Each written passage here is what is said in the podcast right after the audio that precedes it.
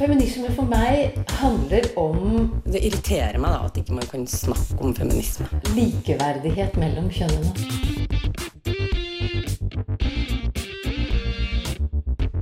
Det blikket på kvinnen på film. Det handlet om å bli tatt på alvor som jente. Du hører på Et eget rom på Radio Nova. Det å være jomfru kan i enkelte kulturer være noe man skammes over, mens det i andre miljø nærmest blir hylla. I dag skal vi diskutere den hellige jomfrudommen. Visste du f.eks. at enkelte legger ut jomfrudommen sin på auksjon?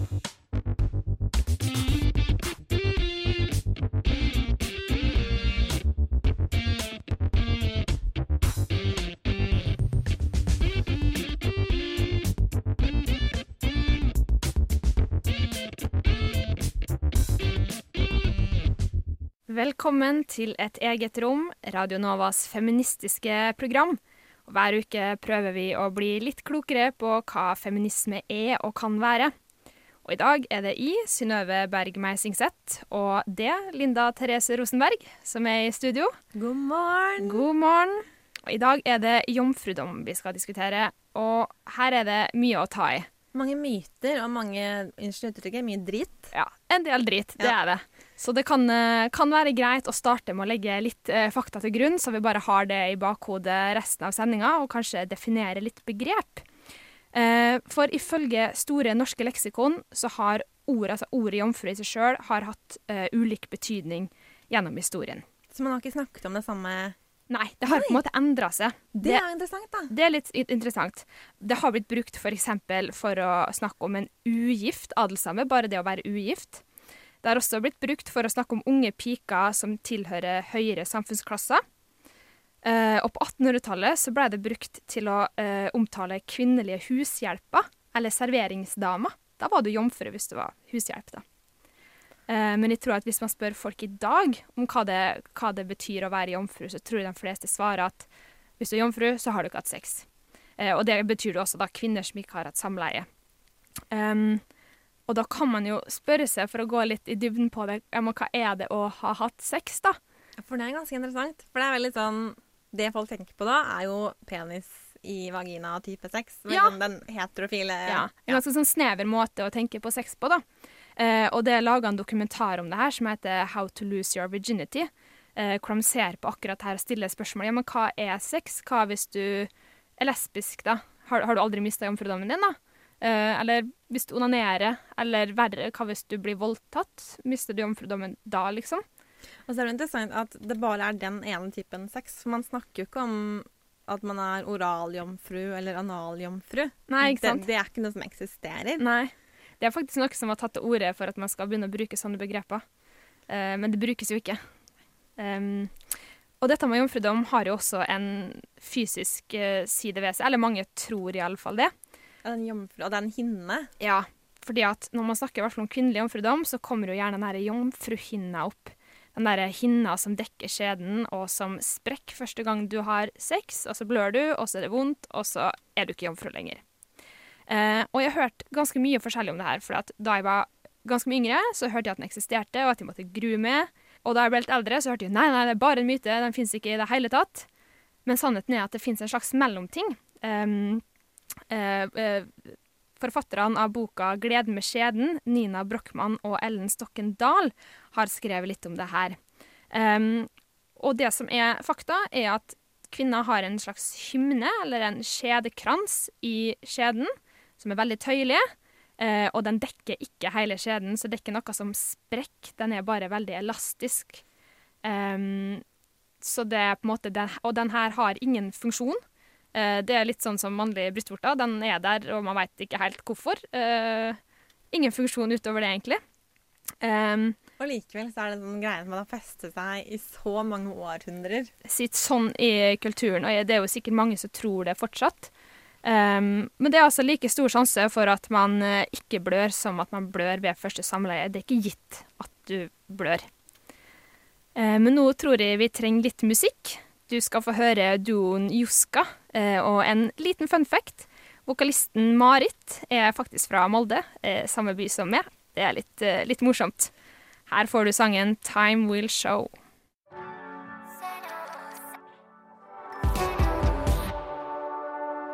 Time Will Show av duoen Juska hørte du der. En veldig fin sang. Og rett før sangen så snakka vi litt om det her med den såkalte jomfruhinna.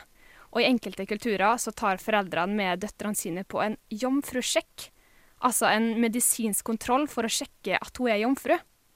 Dette har Anne Marie Sunde sett nærmere på.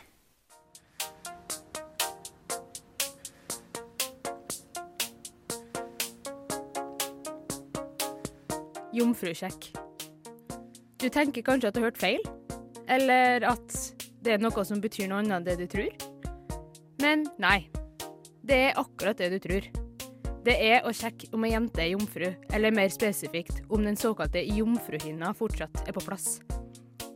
Det første man tenker når man hører det, er forhåpentligvis hva i alle dager skal man sjekke det for? Eller hvorfor skal noen ha lov til å sjekke det? Eller kanskje til og med Jomfrudom kan jo ikke sjekkes. Hvis vi alle tenkte sånn, så hadde man ikke hatt så mye å snakke om her. Men det er dessverre veldig nødvendig å prate om det. For det skjer oftere enn de fleste tror, og det skjer over hele verden. Også her i Norge.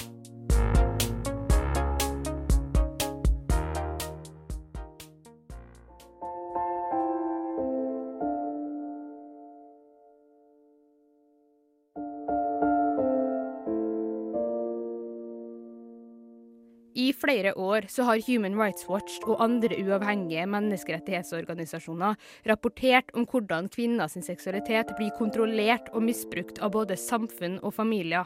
Og det er eksempler fra hele verden hvor dette er vanlig praksis. I Pakistan så må kvinner gå gjennom en jomfrusjekk før de får lov til å bli politi. I India er det vanlig å gjennomføre en såkalt tofingertest for å avgjøre om kvinner var rein eller jomfru, og det blir brukt til å avgjøre voldtektssaker. I Sør-Afrika er jomfrusjekk en del av zulu-kulturen som verdsetter renhet, og i Tyrkia er det tradisjon å gjennomføre jomfrutester for å vurdere familien sin ære.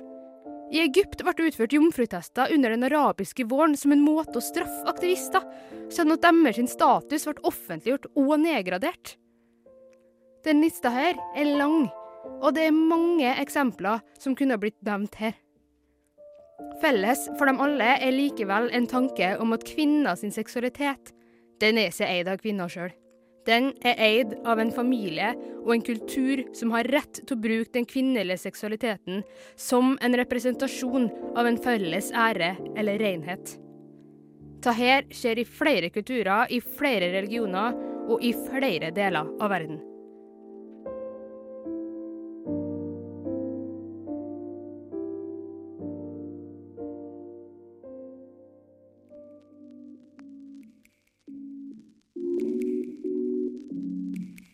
Men det er jo ikke bare utenfor Europa at det her skjer.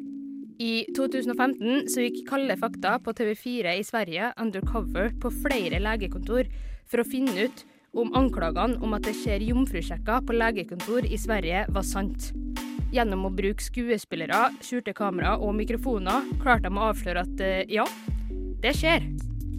Ikke bare sa legene ja til å gjøre undersøkelsene mot jenta sin vilje, men en lege reagerte ikke engang på at jenta var under 18, og snakka ikke med henne en eneste gang for å finne ut om det her var noe hun ville. Jeg skal undersøke sånn her. Jeg har gjort den her hundretalls ganger. Jeg har undersøkt barn, voksne, alle sånne her. I tillegg så var det en lege som tilbød seg å sy på jenta én til to dager før bryllupsnatta for å sørge for at hun ville blø.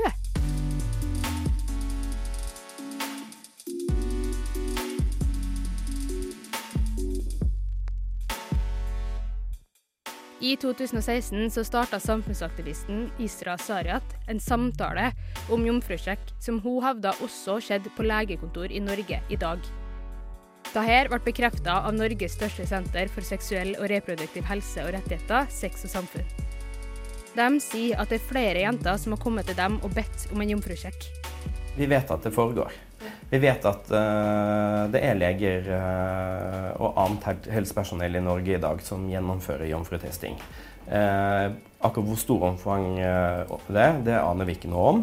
men vi vet at det foregår. Og det vet vi ut ifra historier som vi har fått fra kollegaer i helsevesenet, og historier som pasientene kommer og forteller oss om her på Sex og samfunn.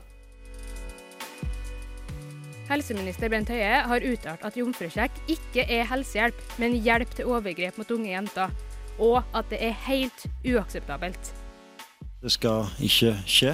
Og jeg forventer at eh, legene opptrer i tråd med de verdiene og den etikken som norsk helsetjeneste eh, bygger på. Eh, og jeg mener og håper ikke at vi må komme til det stedet at vi er nødt til å lovregulere legens aktivitet på legekontoret i detalj. Det er altså ikke noe lov i Norge i dag som forbyr jomfrusjekker. Men vi har lover som slår fast at helsepersonell alltid skal gi faglig forsvarlig og omsorgsfull helsehjelp.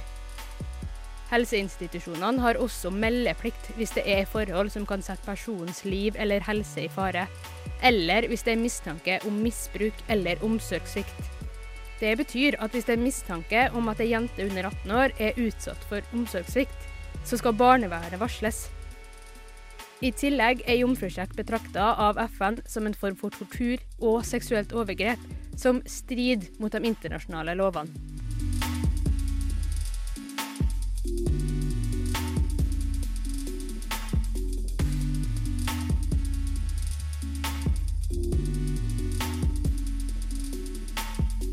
Men hva skal man gjøre? Det er tydelig at noe må gjøres når vi vet at det finnes jenter som blir kvalt på bryllupsnatta fordi de ikke er jomfru. Men hvordan skal man kjempe mot tradisjoner som er så historisk og kulturelt grunna? Ideen som samfunnsdebattantene Nancy Hers og Sofia Sror har, virker iallfall som en bra plass å starte. Man må jobbe med holdninger rundt dette. Vi skal ikke begrenses til jomfruhinne. Mm, verdien din ligger ikke i skrittet ditt. Mm. det ligger eh, i din egen frihet, hvordan du definerer deg og din kropp og din frihet og din seksualitet, er din egen. Ikke hele verdens business. Nei.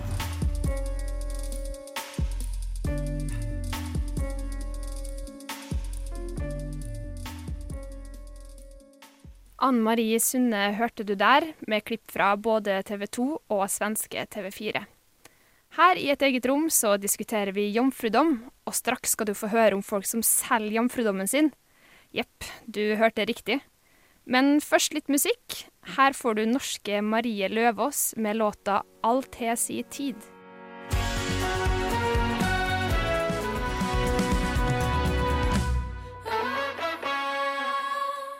Der hørte du nydelige 'Alt he si tid' av Marie Løvaas. Feminist.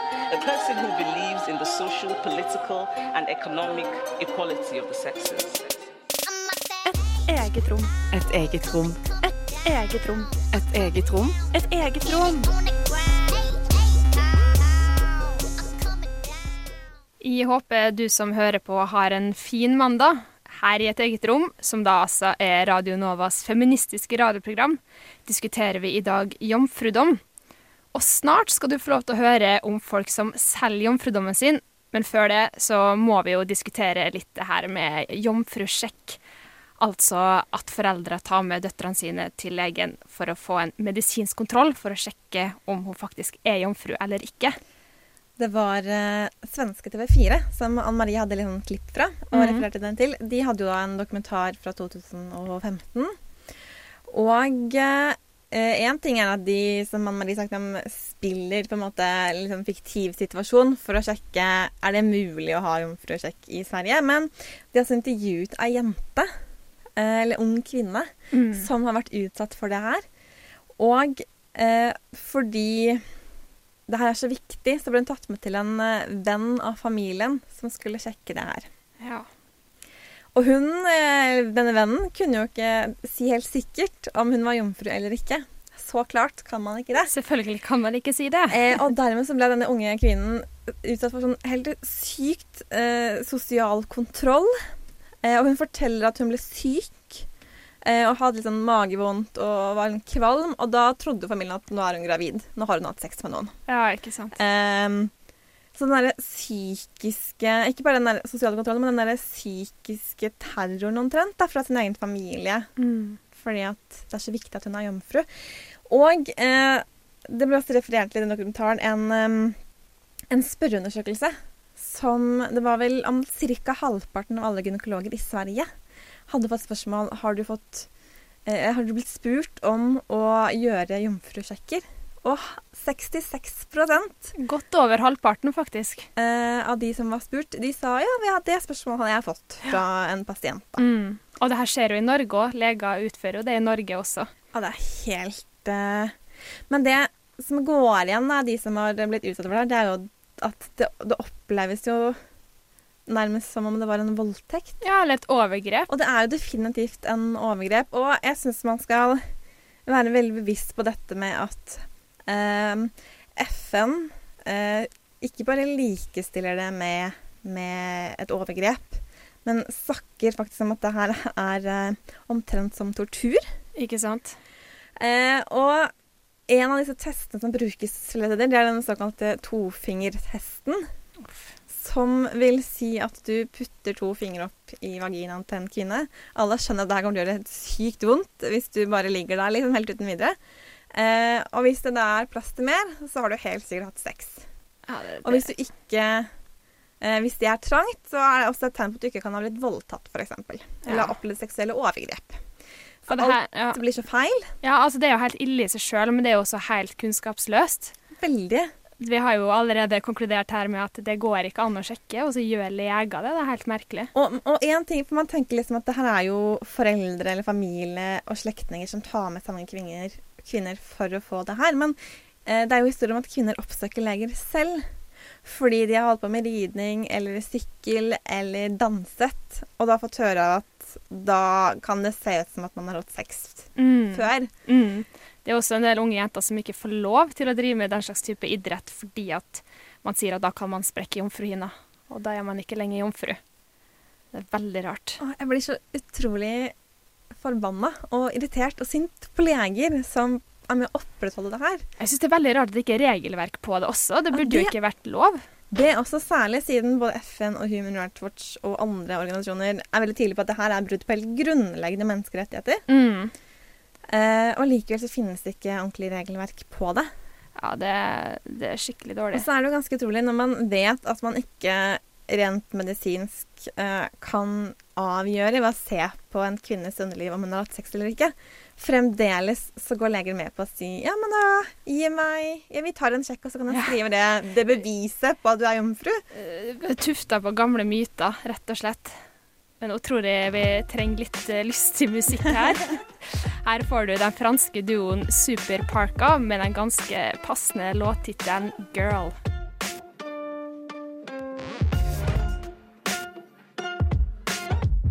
Superparka med 'Girl' hørte du der. Å auksjonere bort jomfrudommen sin høres kanskje ganske drøyt ut.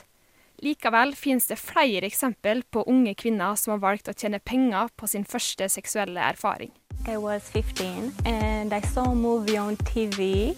It was about a girl who sold herself for one million a night. Indecent proposal, yes. Yes, that's it. And I thought that, hmm, maybe I can do this too with my virginity. A lot of people in our society that love virgins. But one teen wants to take advantage of that and sell her virginity for a quarter of a million dollars. I want to sell my virginity at Cinderella Escorts because I want to be able to pay for my school and go traveling in the future. And I looked it up on the internet and I saw very, very many girls that sold themselves for 3.5 millions or more. I'm from Seattle, Washington, and I'm here to sell my virginity. Um, the whole reason I'm doing this is because last year my family's house burned down, and we were forced to live in the burned down house. I think I should be able to do what I want with my body because it's my choice and I feel comfortable with my decision. But wh- why would you want to do that? Why would you want to sell something so precious? You know, many girls sold their virginity and after that, maybe after many years, they break up with the guy, you know? And it's not worth it. She posted an ad on a classifieds website online with the title Virgin Seeks You, Sydney City. Som du kanskje har forstått, så finnes det altså noen jenter, og gutter faktisk, som selger jomfrudommen sin. Og det er ganske rystende tall. Jeg syns det er helt drøyt. Eh, mai i år blant annet, så dukket det opp flere saker om eh, en britisk 18-åring, også noen tyske jenter, som da solgte jomfrudommen sin for to millioner pund. Ja. Um, og jeg, jeg bare ble, Det er så hårreisende høyt tall. Men det som eh, også er ganske hårreisende, det er jo at en, en av flere sider som, hvor man kan auksjonere bort jomfrudommen sin, det er Cinderella Escort, som er en sånn tysk eskorteside. Og det er egne sider, altså internettsider. Ja, det er, det er egentlig en sånn eskortebyrå, eller sånn side. Ja, riktig. Eh, og én ting er jo at en eskortepike fra det her byrået, det koster 1730 pund i timen og oppover. Altså, Og 1000 oppover, ja. Det er liksom minstesummen for en time med en eskorte i det byrået her. Så det virker veldig sånn luksuriøst. Ja. Eh, men eh, jo, for det første så skal de ha 20 av eh, det det koster med enten en eskortepike eller å ligge med en jomfru. Eh, men de også garanterer at hvis du, vil, eh, hvis du kjøper en jomfru, da, så skal hun gå til en lege og få et bevis, som jeg har snakket om, Ja. på at hun er jomfru. Ikke sant. Og det her er altså i Tyskland. Ja. og det er jo Ja. Det er jo prostitusjon. Ja, men det som er veldig gjennomgående når man liksom leser historier og hvorfor de har gjort det, det er jo mye sånn eh, for å finansiere studier. Ja. Eller for å betale studielån og kjøpe seg en, et sted å bo. Ja, ikke sant? Universitet koster penger. Hm, Ja. Hvordan skal jeg få råd til det? Jo. Eh, Eh, noe av det som også er litt sånn hårreisende, du finner sånn derre topp ti dyreste jomfrukjøp, eh, blant annet. Og den billigste på topp ti-lista, den er jo ikke helt ny, da. Eh, den, da var det en som betalte 13 300 dollar. Og da var det 2000 menn som ga inn bud. Det er helt ville tall. Ja, det er helt sykt. Eh, den dyreste, det dyreste budet Ingen vet helt sikkert at det her har faktisk skjedd, men det dyreste budet noen har fått, det var 3,7 millioner dollar. Det skjedde i 2008. Fy søren. Og hun promoterte også det her på TV, på et sånn eh, snakkeprogram Mm. Uh, med hun Tara Banks. Er det Oi, hun heter? ja, riktig. og at hun snakket om ja, hun trengte penger for å finansiere studiene sine, og hadde bestemt seg for at hun skulle selge da jomfrudommen sin og auksjonere den bort. Det er jo også enkelte gutter som gjør det her. Jeg leste om en 19 år gammel engelsk student som ville selge jomfrudommen sin til høystbydende over 70 000 kroner. Og han sa at han ville gi penger til veldedighet. Det, ja, det er også noen som har sagt at de vil gi en del av summen i hvert fall til veldedighet. Eh, og ikke bare liksom, bruke det til studier og, og bo. Men det var jo en australsk dokumentar i 2012 hvor en kvinne og en gutt begge skulle auksjonere bort jomfrudommen sin.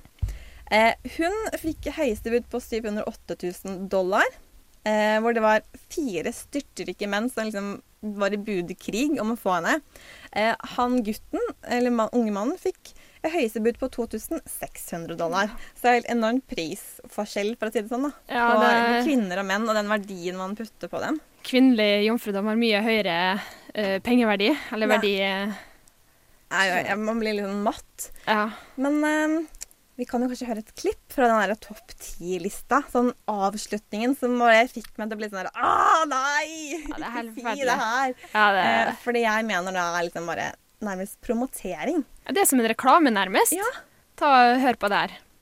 What do you think about these ladies selling their virginities for such high amounts? And if you're up for it, what would have been your number? Uff, ja. Mens du tenker litt på det, skal du få høre den utrolig kule norske elektronikatrioen Sassy 009 med sangen Pretty Baby.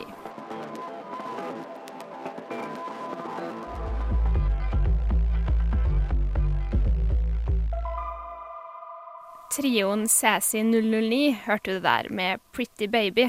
De er faktisk norske, og jeg vil anbefale å sjekke ut den nye EP-en deres Do You Mind. Her i et eget rom diskuterer vi jomfrudom, og vårt redaksjonsmedlem Lisa Aasbø har noe på hjertet.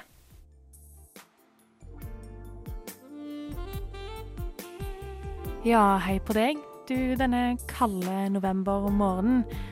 Mitt navn er Samfunnet, og jeg vil egentlig bare stikke hodet inn døra og minne deg på at eh, jomfrudommen din, ja, den må du ta godt vare på. Nei da, jeg bare tuller. Mitt navn er Lisa, og ikke Samfunnet. Og jeg er her for å gi deg tre gode grunner til at fenomenet jomfrudom er noe vi burde ditche sånn en gang for alle. Men la meg presisere noe før jeg går i gang. Dette handler ikke om hva du på det personlige planet velger å gjøre med din egen kropp. Om hvor få eller hvor mange du velger å ha sex med, og når du ønsker eller ikke ønsker å ha sex for første gang. Dette handler om forventninger, press, skam og følelser på det overordna planet som kan knyttes opp til fenomenet jomfrudom. OK, neimen så fint. Da kan vi bare starte. Den o store jomfrudommen. Åh, for en verdifull ting å ha hvis du er dame. Kjipt å ha hvis du er mann. Og kulturene våre er obsesst med han. er du jomfru? Mm, Jeg er ikke jomfru. How do you preserve yourself as a young lady? preserve yourself. What advice would you give to someone who's a virgin? But I'm not the kind of person who wants to lose my virginity when I'm drunk at a party. When Jane Villanueva was a little girl, she was taught the beauty of the flower. Now, mija, crumple it up. Really, Mom? But this is so lame. Mommy, shh. and the ugliness of the deflower. That's what happens when you lose your virginity. You can never go back. Dette her stammer jo fra tiden hvor man ikke bare kunne ta en farskapstest. Hvordan kunne man vite hvem som var far til barnet, om det ble ansett som OK at damer flydde rundt og hadde seg med mange menn istedenfor én? Ja, nettopp. Og herfra stammer òg idealet, eller forventningen, da, om den rene kvinnen. For det første I det store og det hele så er dette med jomfrudom og forventningene knytta til jomfrudommen det er ganske sexistiske greier, altså. Som dame så risikerer du å høre at jomfrudommen din den er kjempeverdifull, altså. Og det er noe du skal beskytte. Samtidig er dette for de fleste menn noe du helst bare skal bli kvitt så fort som mulig. Nå er kanskje ikke dette så ekstremt synlig i Norge i dag, og takk og lov for det. Men i andre kulturer i verden så vet vi at jomfrudom går hånd i hånd med renhet. Hvis man som kvinne ikke er ren når man gifter seg, så kan man bli straffet hardt for at man bringer skam over familien. Og dette her gjelder ikke for menn. For det andre Å miste jomfrudommen sin i feil alder, f.eks. at man er for ung. Å miste jomfrudommen sin på feil tidspunkt, f.eks. at det var for tidlig i et forhold. Å miste jomfrudommen sin til feil person, typisk noen som man ikke var forelska i eller at man mister jomfrudommen sin på feil grunnlag. Alt dette er eksempler på forventninger som kan få sosiale konsekvenser dersom de blir brutt med. Og det burde de overhodet ikke få. Folk kan spekulere, og folk kan dømme deg, og i verste fall så blir du slutshama. Altså at man som kvinne blir pålagt skam, skyld eller føler på en form for underordning på grunnlag av seksuallivet ditt. Slutshaming fører ikke til seksuell autonomi. I stedet så blir man begrensa, og den fører til at folks valg liksom blir styrt av en frykt for å bli straffa hvis du ikke lever opp til forventningene for hva som er god seksualmoral. For det tredje, og denne her er kanskje litt vanskelig å spise for noen, men here we go. Jomfrudommen impliserer at hvor mye eller lite du har sex som kvinne, kan knyttes opp til hvilken verdi du har som kvinne. Jeg bruker eksempelet fra første punkt igjen. Er man ikke rein når man gifter seg i enkelte kulturer, så kan du bli straffa hardt for at du bringer skam over familien. Ergo verdien din som potensiell hustru synker, altså dersom du ikke er jomfru nok. Og hvorfor tror du 'jævla hora' er et skjellsord?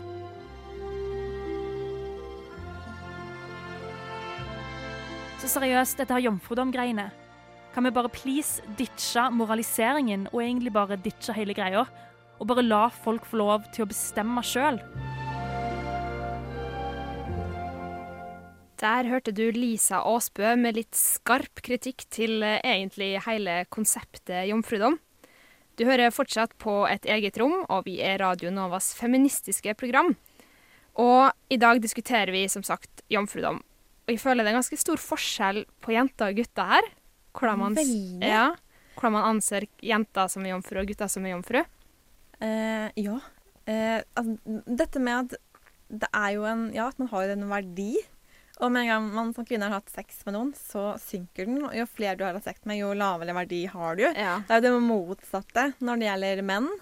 Mm, jo Eh, flere du har hatt sex med, jo bedre, liksom. Ja, det er nesten litt sånn. Ja. Og, så er det noe med dette at um, jom, Altså, man, man er det så veldig, da. Jomfru. Man er jomfru, ja. Altså, det er ikke noe sånn 'Jeg har bare ikke hatt sex'. Du er jomfru. Mm. Det er liksom en del av identiteten din, nærmest. Eh, eller personligheten, eller noe sånt noe. Å være jomfru. Ja, og jeg syns det var veldig bra det Lisa tok opp med det med slutshaming når man har mista jomfrudommen, og konsekvensene av det, da. Som også er litt sånn eh, Det er hore hvis du har hatt sex, og du er skikkelig prippen hvis du ikke har hatt det. Og det er litt sånn Ja, men du kan jo ikke ha Det er liksom ikke noe mellomting her, da. Enten så har du hatt sex, eller så har du ikke hatt sex. Du kan Mm. ikke liksom dømme meg for uansett hva jeg gjør. Men eh, noe av det jeg har funnet ut denne uken, det er purity balls. Ja. Som man har i USA, som jeg ikke hadde hørt om før nå. Hva er det for noe? Eh, altså, det er et ball for døtre og fedre. Det her skjedde første gang i 1998. og Det er, altså, det en, det er en religiøs seremoni. Eh, og det er en veldig sånn formell setting. Man tar på seg hvite ballkjoler, og fedrene tar på seg sånne fine dresser og sånne ting. Smokinger. Eh, og det er middag, og det er konferanser som leder henne hele kvelden. Og det er liksom dansegulv på slutten. Men det viktigste, det er at fedrene må reise seg opp og gi et høytidelig løfte til seg selv, til forsamlingen og til Gud om at han skal ta vare på datteren og hennes renhet, eller purity, of mind, body and soul. Mm. Og det var ganske unge jenter også? Altså fra de er fire år, omtrent fire-fem år, til college-alder. Ja. Eh, Fire-fem? Ja, ja, så små. Men det er ikke vanlig. Eh, og visstnok eh, så er det enkelte sånne ball som har aldersgrense. Ja, riktig. Og det vanligste er fra de er sånn 13-14 og oppover. Så Ja. tenårene, da. Mm. Eh, mens kvinnene, eller jentene, da, de må da gi et eh, lignende løfte om at de skal avstå fra sex til de gifter seg. Og det her blir jo ikke gutta tatt med på. Det her er jo kun for jenter. Det her er jenter. Ja. Og det impliserer jo også dette med at eh, det er bare én type sex, og det er heterofil penis Mm. i vagina Ja. type sex. Eh, og altså det er til og med gaver i enkelte På enkelte ball så får man gaver. For eksempel at uh, jentene får et sånn hjertesmykke, mens fedrene får en, en nøkkel som symbol på at han skal beskytte faen kvinnens eh, kropp eh, fra andre menn til hun gifter seg. Vi, det var jeg skrev en ganske lang artikkel eh, om det her, eh, med tilhørende eh, fotoreportasje, eller hva jeg skal si. Og det var ganske rystende å se Altså- bildene, for det er altså De ser ut som bruder. Ja, det, det ser ut som et brudepar, men det er da altså far og datter som står og poserer sammen. Datter har på seg nesten sånne brudekjole, og faren i dress. Og så står de på en måte og holder rundt hverandre. Ja, det er helt Det er en del kritikk mot det her, og noe er at uh, selv om man kan si seg enig i at kanskje det ikke er så lurt at man har sex før ekteskap, det er jo en sånn ofte personlig og litt sånn religiøs dimensjon her, Mm. så mener mange at en slik type ball er bare med på å seksualisere kvinnenes kropp. Ytterligere. Ytterligere. Ja. Mer enn det var i utgangspunktet. Eh, men også dette med at det impliserer så veldig at det er eh, faren som skal kontrollere hvem de skal date, når de skal gjøre det, når de skal ha sex. Og det er jo ikke sånn at hvis du har deltatt på sånn ball som 12-13-14-åring, at du ikke kommer til å holde det løftet. Eller sånn. Det kan jo brytes. Altså, det er så ekstremt konserve holdninger bak det her, da.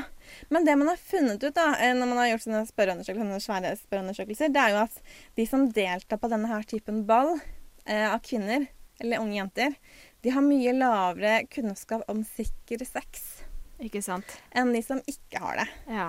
Så du kan godt gi det løftet som 13-åring, men da er det så større sannsynlighet for at du f.eks. har sex uten um, Uten kondom. Eller uten pep, eller, eller Ja, hva sant. som helst. da.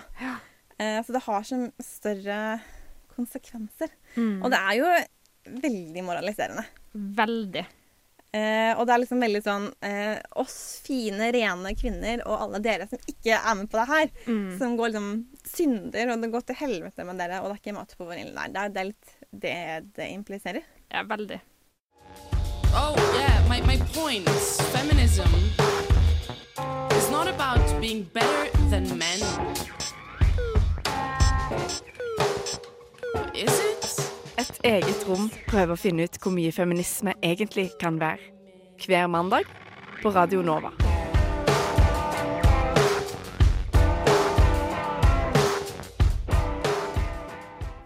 Nå syns jeg at du som hører på, uansett hvor du er, skal lene deg godt tilbake. Tuva Band starta i utgangspunktet som et one woman-band, men utvikla seg til en duo som raskt fikk over ti millioner streams på Spotify. Her får du den veldig behagelige sangen 'Trees'.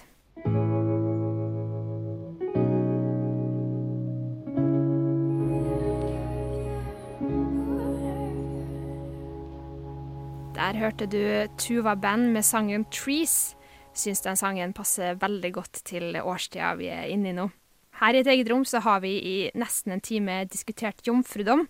Og det har jo vært en del rystende, både det her med jomfrusjekk og folk som selger jomfrudommen sin. Eh, men vi har jo snakka mest om at det her med skammen rundt å miste jomfrudommen, at det på en måte idealet er å være jomfru. Men det kan jo også være omvendt, at det å være jomfru Kan være et eh, ja, skamfullt. Ja. Jeg fant en artikkel som faktisk er fra eh, september i år, som stiller spørsmål ved om det å være mann og jomfru i dag er et av liksom, våre tids siste tabuer. Mm. Og det tror jeg er et stort poeng. Og når man søker på mann eller mail og, og, og det å være jomfru, så får man jo sånn haugevis av artikler som er sånn Hvordan se at en mann er jomfru? Ja, Eh, pros and cons ved det å date en mann som er jomfru.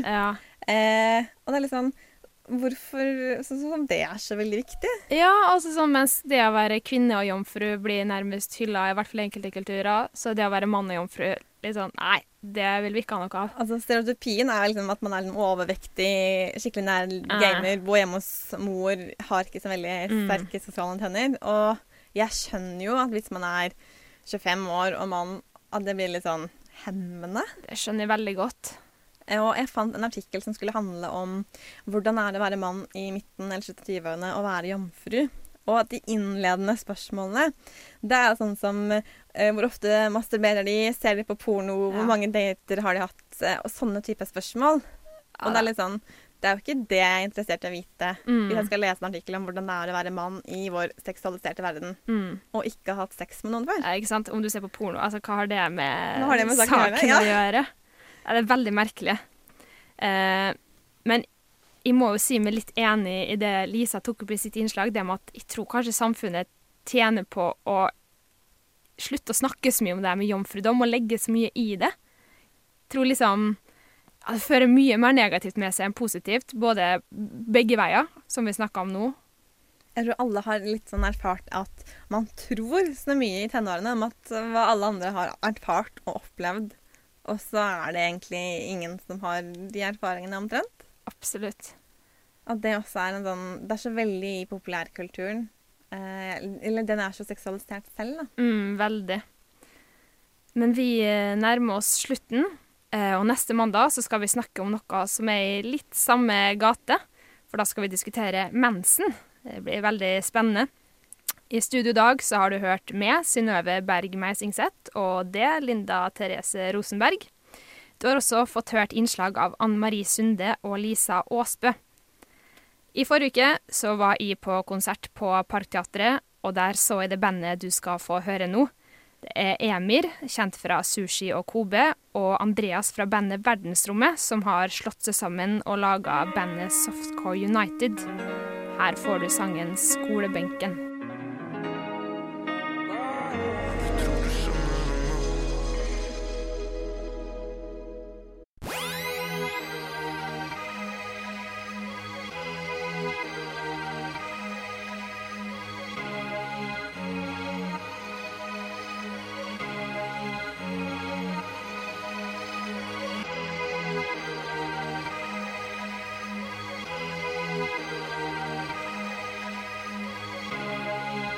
Siden 1982 har Radio Nova gitt deg favorittmusikken din, før du visste at du likte den.